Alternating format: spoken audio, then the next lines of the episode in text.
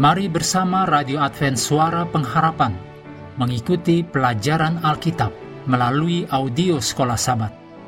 Selanjutnya kita masuk untuk pelajaran hari Minggu tanggal 6 November. Judulnya Kubur yang Disegel.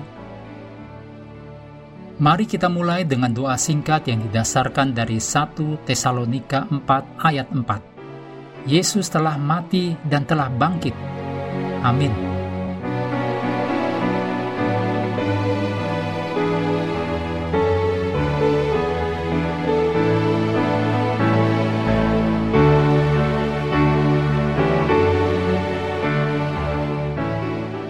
Misi Kristus tampaknya sudah berakhir dan bahkan tampak gagal dengan kematiannya di atas kayu salib. Iblis berhasil menghasut Yudas untuk mengkhianati juru selamat.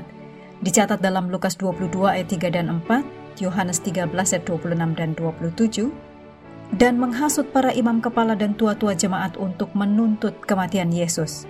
Dicatat dalam Matius 26 ayat 59 dan Matius 27 ayat 20 setelah Yesus ditangkap.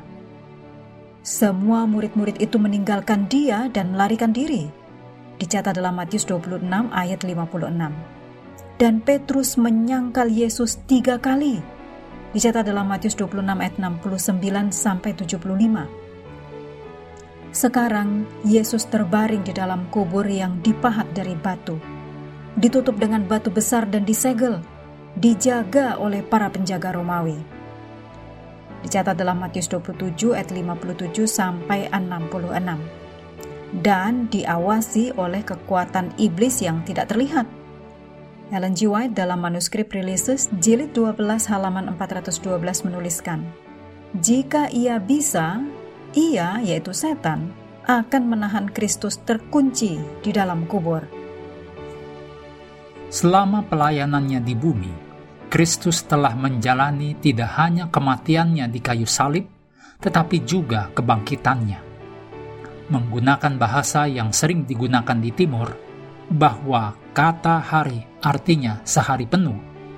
Yesus menyebutkan bahwa sebab seperti Yunus tinggal di dalam perut ikan tiga hari tiga malam, demikian juga anak manusia akan tinggal di dalam rahim bumi tiga hari tiga malam. Demikian ditulis dalam Matius 12 ayat 39 dan 40. Pada kesempatan lain, Yesus menggarisbawahi, ia akan dibunuh, tetapi pada hari ketiga ia akan bangkit kembali.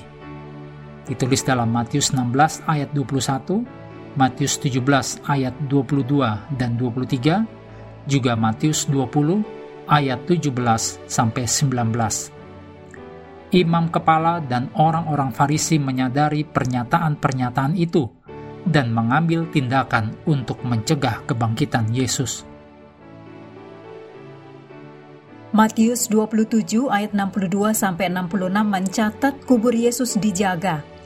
Di mana tindakan-tindakan ini di kemudian hari makin membuktikan kepada dunia tentang kebangkitan Yesus. Semua tindakan pengamanan yang dilakukan untuk menjaga agar Yesus tetap terkunci di dalam kubur, untuk mencoba memastikan bahwa kebangkitan tidak akan pernah terjadi, hanya membuat kemenangan Kristus atas kematian dan bala tentara kejahatan lebih terlihat untuk semua tindakan pencegahan yang mereka ambil. Juga, Orang-orang ini pasti sudah mendengar tentang mujizat-mujizat Yesus. Mereka telah melihat beberapa dari mujizat-mujizat itu juga. Namun, mereka berpikir bahwa menjaga kubur itu dapat menghentikan Yesus yang sanggup melakukan begitu banyak mujizat dari dibangkitkan. Lagi pula, untuk apa menempatkan penjaga di sekitar kubur agar berjaga-jaga? Murid-murid mungkin mencuri tubuh Yesus dan menyatakan bahwa Yesus telah dibangkitkan dari kematian? Ketika orang-orang akan bertanya, "Di manakah Yesus yang bangkit itu?" Mereka bisa mengatakan, "Ikuti saja perkataan kami untuk jawabannya." Dengan kata lain, para pemimpin agama menyuruh tentara yang menjaga kubur berbohong dengan mengatakan murid-murid yang mencuri tubuh Yesus. Tindakan mereka ini mengungkapkan betapa takutnya para imam kepala terhadap Yesus, bahkan setelah Yesus mati. Boleh jadi, jauh di lubuk hati, mereka takut bahwa Yesus benar-benar bangkit. Mengakhiri pelajaran hari ini, mari kembali kepada ayat hafalan kita, Wahyu 1 ayat 17 dan 18. Ketika aku melihat dia, tersungkurlah aku di depan kakinya, sama seperti orang yang mati.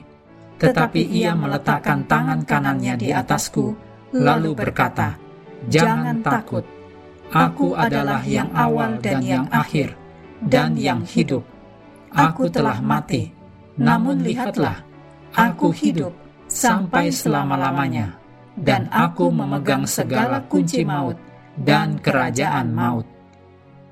Hendaklah kita terus tekun mengambil waktu bersekutu dengan Tuhan setiap hari, bersama dengan seluruh anggota keluarga, baik melalui renungan harian, pelajaran sekolah sahabat, juga bacaan Alkitab sedunia percayalah kepada nabi-nabinya, yang untuk hari ini melanjutkan dari 1 Raja-Raja pasal 6. Tuhan memberkati kita semua.